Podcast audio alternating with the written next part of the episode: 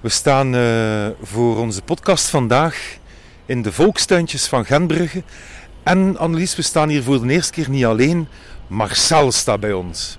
Marcel is uh, ja, zeg maar een gekende Genbruggenaar en ook een fervente volkstuiner. En uh, we mochten vandaag in zijn Marcel zijn volkstuintje, want Marcel gaat iets heel speciaals doen voor ons. Na honderden jaren introduceren wij vandaag opnieuw de Gentbrugse ert. Kijk Marcel, uh, wat doet u dat als je zo voor het eerst de Gentbrugse ert in uw handen hebt? Ik verschiet mij een ongeluk. Ik heb nog nooit van een Genbrugse hert gehoord. Natuurlijk, we zijn hier in Genbrugge, we zijn in Gent. Eh, om zeer weten, dat zijn ofwel suikerhertjes, ofwel peultjes. Maar de Genbrugse ert, nee. Wordt die groter of wordt die kleiner? Wordt die groen of wordt die blauw? Ik weet het echt niet. Volgens mij, aangezien het een Henbrugse ert is, zal het een enorm grote ert worden. Ze heeft trouwens een naam.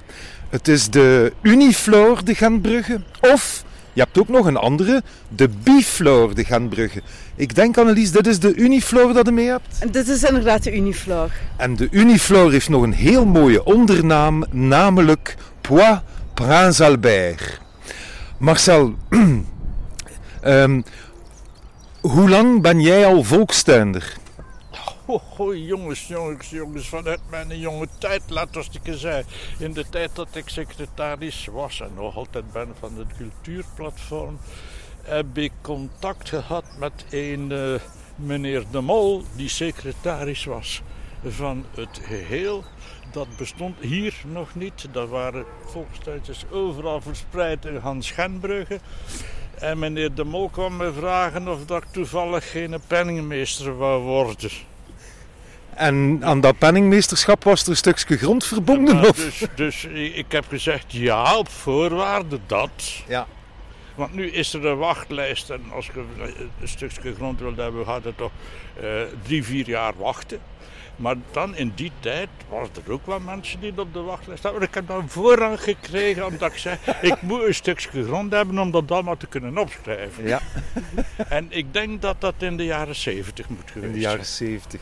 En wanneer zijn ze dan naar hier verhuisd, uh, Marcel? Want voor alle, voor alle duidelijkheid, dus de volkstuin aan de Gambrugse Meersen, die, die liggen enerzijds met hun rug tegen de Gambrugse Meersen en anderzijds met uh, prachtig zicht op de E17 natuurlijk. Dus tussen de E17 en de Meersen in feite zijn de volkstuinen hier de ingang van de Henbrugse Meersen. Ja. Wij zijn hier begonnen in 96. 1996 is het eerste stuk opgewerkt. Dat is dit stuk, dus dat daarnaast. Tot aan de gracht. Dus, en over de gracht is dan in 97 gekomen. Dan heb je een beetje verder 40 kleine stukjes van, de vierkante, van 100 vierkante meter. En de die zijn er gekomen een jaar of drie geleden. Ja. He, dus er is nu nog sprake van uitbreiding. Waarom? Omdat er daar ergens een wachtlijst is met 50, 60 man. Ja, dus je begrijpt, er is een, een verloop ongeveer van een tiental mensen per jaar. Uh, een wachtlijst met 50, 60 mensen, dat kun je direct rekenen. Dus dat duurt. volkstuinen is populair geworden. Volkstuin.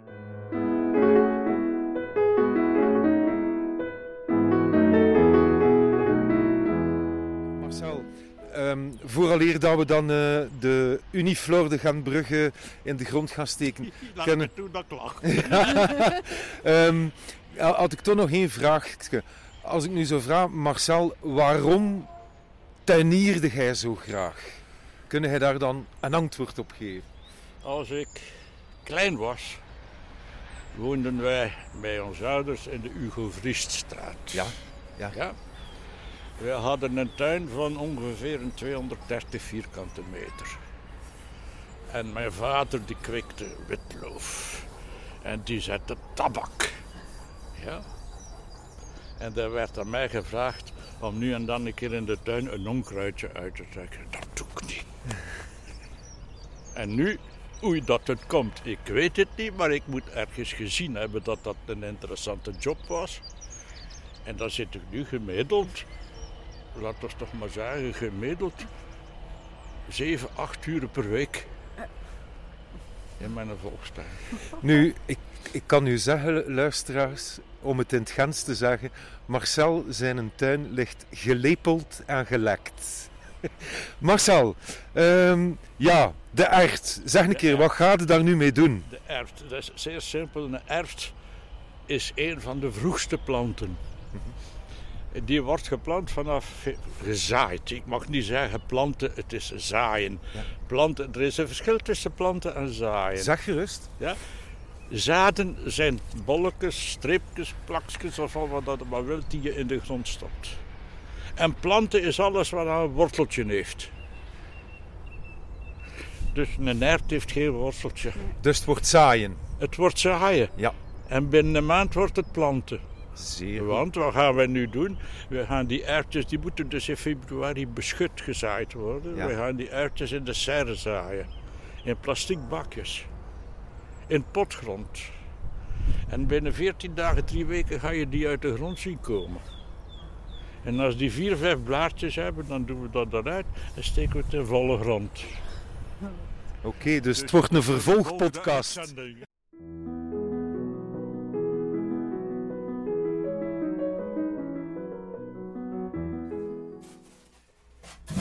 Hier staat dus al een bakje. Ah, ja, ja, ja. En je ziet dat ik hier water gegeven heb en daar nog niet. Ja, Dus wat ga ik nu doen? Hier staan erwtjes. ja. Vier rijen niet Genbrugse erwtjes. Niet Schanbrugse uitjes, ja. Hier ga ik nu vier rijen Wel uitjes. Of, of, of twee rijen is misschien voldoende. Hè? Ja. Twee rijkes Genbrugse erwtjes planten. Dat is fantastisch, want we gaan dus een concurrentiestrijd zien. De niet-Genbrugse ert tegen de Genbrugse ert. En een belangrijk moment, eh, het zakje gaat open. Ja. Het zijn rondzadigen. Rondzadige Genbrugse erten. En ze zijn behandeld, want ze zijn niet groen. Ah. Kijk, dat zijn allemaal dingen die je erbij leert. Hè. Wat gaan we dat nu mee doen? Heel simpel. Dus 1, 2, 3, 4 zijn bezet. Gaan wij gewoon, hop. Gewoon met de vinger erin duwen. Ja. Heb je toch nog. Er nu eentje of twee zitten, dat is weinig belangrijk. Oké. Er mogen er gerust twee naast elkaar zitten. Nu moet je mij één ding beloven, hè. Ja. Je komt ze zelf trekken, hè. Ah, absoluut. Hè. Annelies, wij gaan komen oogsten. Hè. Het zal wel zijn. En ik denk dat ik dan eh, aan Marcel zijn eh, heel lieve vrouw ga vragen of dat ze erwtensoep wil maken voor ons. Ach, Voor- kom er door die schetensoep. Voor mij zal ze dat wel doen. het is eigenlijk fantastisch om te zien hoe... Ja, maar kom. Eh, het je moet dat met liefde doen. Ah, wel, maar ik ging het net zeggen, hoe dat Marcel met liefde nu, ertje per ertje, in zo'n plantvakje eh, steekt. Je voelt echt de liefde voor het tuinieren. En we zijn, denk ik, aan de laatste van onze Uniflore de Gambrugge Prins Albert, die de grond ingegaan is. En dus Marcel, hij zegt nu binnen een week of drie, vier, zie je daar eh, wat resultaat Wel, van. er zitten er nu 26 in. De 26. rijken van 13, er zitten Ja. 26 in. Normaal gezien, als de dino van hierboven mee wil, Ja, dan moet dat binnen 14 dagen, drie weken. binnen 14 dagen, drie weken, Zichtbaar zie je dat. Ja, ik nu wel doen, ja. we mogen niet bloot blijven liggen. Ah ja. Dus eh, Marcel die heeft nu een poteken potgrond en dat gaat erover. En nu gaan we ze een beetje drinken geven. Ja, En anders groeien ze ook niet. ja, ja. Ja, ja wat heeft een ert uiteindelijk nodig? Zoals elke groente zeker. Een beetje zon, een beetje water. En de rest doet de natuur. Hè. Zou de natuur moeten doen, Ja. maar we zitten nu toch in een natuur die niet normaal schijnt te zijn. ja, van het weekend. Hè? 17, 18 graden. Ons hart zal misschien een, boost krijgen. hè. E- Eergisteren was het goed weer. Gisteren heeft het dag geregend. Vandaag gaat het weer goed weer zijn. Ook hier voelde weer natuurlijk. Een, een tuinier leeft met zijn omgeving en met de natuur. Hè. Ik bedoel, dat is ook zo. De mensen kijken naar boven, eh, zeggen van wat weer gaat worden. Ik ga naar mijn hof, ik ga niet naar mijn hof. Maar ja, goed. eh, als je wil weten of dat het waait, hè, dan stikt u je vinger in uw mond en dan naar omhoog. En je weet direct van waar dat de wind komt. Hier in de serre natuurlijk niet, hè, maar buiten wel. En die mannen, die mannen van Nukkelen, sorry, maar die geloof ik niet. Die vertellen veel te veel leugens. Het zijn niet eh, de piens van vroeger. Hè. Ah ja, nee, ons Armand Pien. Armand Pien die vertelde ook de waarheid niet, maar kon een keer lachen met hem. En hij bracht op zijn minst af en toe nog een keer een eigenaardige groente mee in het Ja, ja, ja, ja, ja, ja, ja. Ik heb nog foto's van die wortel. Kijk Marcel, op, eh, op deze wijze woorden en herinnering aan Armand Pien gaan wij u laten. Alvast bedankt om dat te willen doen voor ons. En binnen paar weken hebben wij een nieuwe afspraak. Hè? Graag gedaan en ik ga u verwittigen als er iets te zien is. Fantastisch. Marcel, merci. Hè?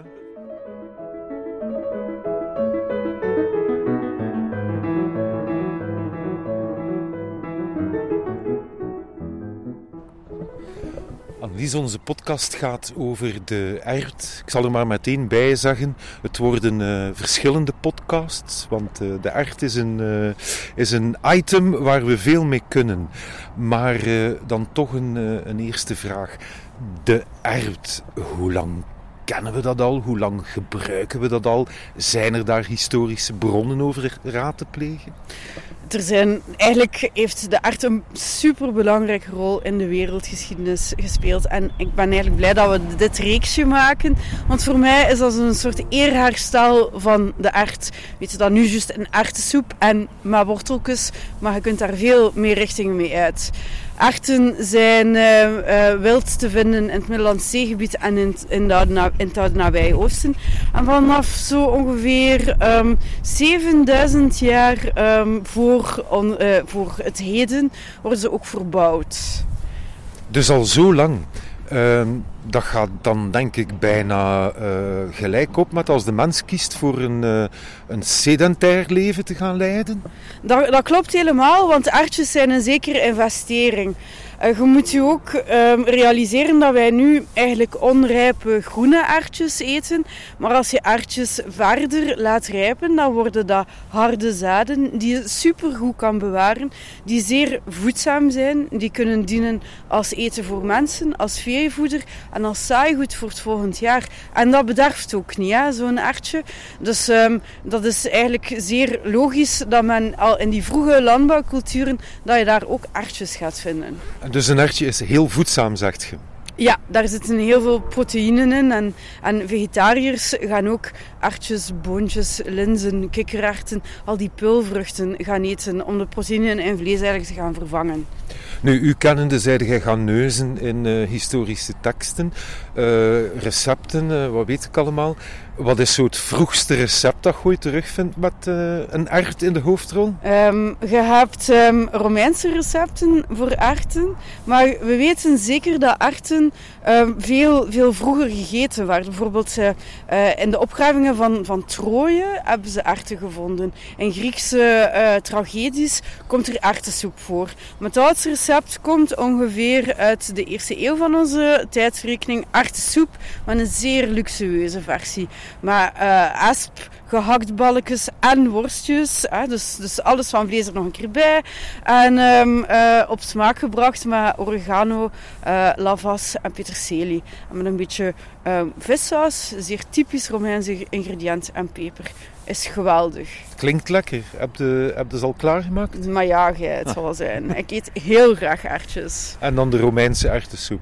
Dan, er- ja. En eh, weten we wie dat die gemaakt heeft of wie dat die beschreven heeft? Welke oude Romein eh, was eh erwtenfavoriet? Die komt uit het kookboek van Apicius. Wie die Apicius is, weten we eigenlijk niet. Maar dat is zo een beetje het belangrijkste Romeinse kookboek. Want dat is 200 jaar lang heeft men daar nieuwe versies in, in gemaakt. Schitterend. Uh, Annelies, ik stel voor dat we nog een klein beetje verder wandelen en dan we ons dan toch nog een beetje verdiepen in de, in de voor deze eerste aflevering. Dat zal.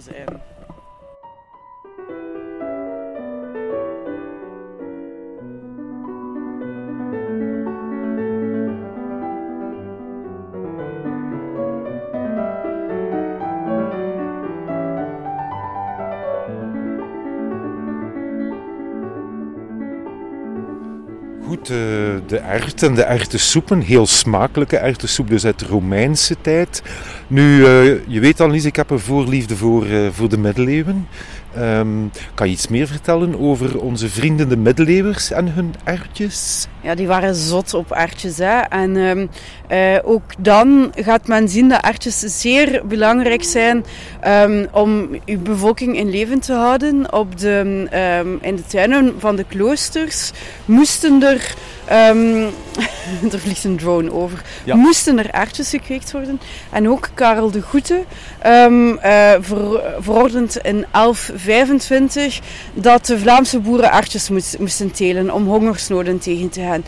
En in de middeleeuwse kookboeken staan er, staan er zotte recepten met aardjes. Bijvoorbeeld aardjes aan het spit. Uh, klinkt heel raar, super tof recept. Maar je gaat eigenlijk zo'n soort uh, vegetarisch hapje maken met een artenpuree. Uh, en die ga je dan aan spit laten gaar worden. Je hebt ook een soort artenspaghetti uh, die je dan met een gekruid sausje gaat opdienen. Je hebt de klassiekers als, als soep of, of pastijen met aardjes. Maar wat wat het ook zeer intrigerend is, is dat ze een soort artenbouillon maakten. Een soort bouillon die dan de basis werd van, van een andere saus, waar je met amandel of met brood zo'n dikkere saus ging bij maken en die konden dan bij een visje serveren. Dat is ook heerlijk. Nu, ik wil niet, uh, hoe zou ik het zeggen, uh, de, de duivel in het wijwater vat zijn wat de aard betreft, maar uh, ik vind een aard aan zich nogal smaakloos. Uh, is het dan zo dat in die gerechten uh, er uh, veel bijgekruid wordt? Ja, sowieso. Want die middeleeuwse kookboeken, daar ga je zien dat ze altijd superveel specerijen gebruikten. Hè. Um, kaneel, gember, safraan, peper. En vooral gember en safraan komen best wel vaak voor in, in combinatie met erwtjes. Dat geeft zo een zoete smaak. En misschien dan uh, een afsluitende vraag nog voor, uh, voor deze aflevering, Annelies. Je zag daarnet dat Karel de Goede een ordonnantie uitvaardigde dat de Vlaamse boeren erwten moesten kweken om hongersnood tegen te gaan. Begrijp ik het dan goed dat in de middeleeuwen de erwt een, een, massaproduct is voor middeleeuwse normen? Ha, ik kan daar nu moeilijk cijfers op plakken, maar het is wel zeer essentieel en een, een basisvoorziening. Um, zeker eh, in, in een situatie waar dat misschien niet iedereen toegang had tot, tot vers vlees, is die energievoorraad die een artje kan bieden, eh, het is gemakkelijk te bewaren, je kunt er heel veel mee doen, maakt de, held, de art een beetje de held van de middeleeuwen, vind ik. De art de held van de middeleeuwen. En uh, wat mij nu toch weer al opvalt, is dat is dat onze middeleeuwse voorouders veel meer vegetariër waren dan dat wij denken. Hè. Ja, vooral omdat een groot deel van het jaar er ook geen vlees gegeten mocht worden. Hè. Tijdens de vasten op vrijdag, eh, dat waren de zogezegde magere dagen. Dus je moest wel wat creatiever zijn met, uh, met groenten en, en vis. Vis mocht dan ook weer wel. Maar zo artjes en een visje lijkt mij heel lekker. Wel, uh, Annelies, ze beloven warm weer, maar op dit ogenblik is het er nog niet. Mijn handen hebben koud. En ik droom er al van om ze rond een lekker warme kop erwtensoep te gaan leggen. Tot de volgende keer.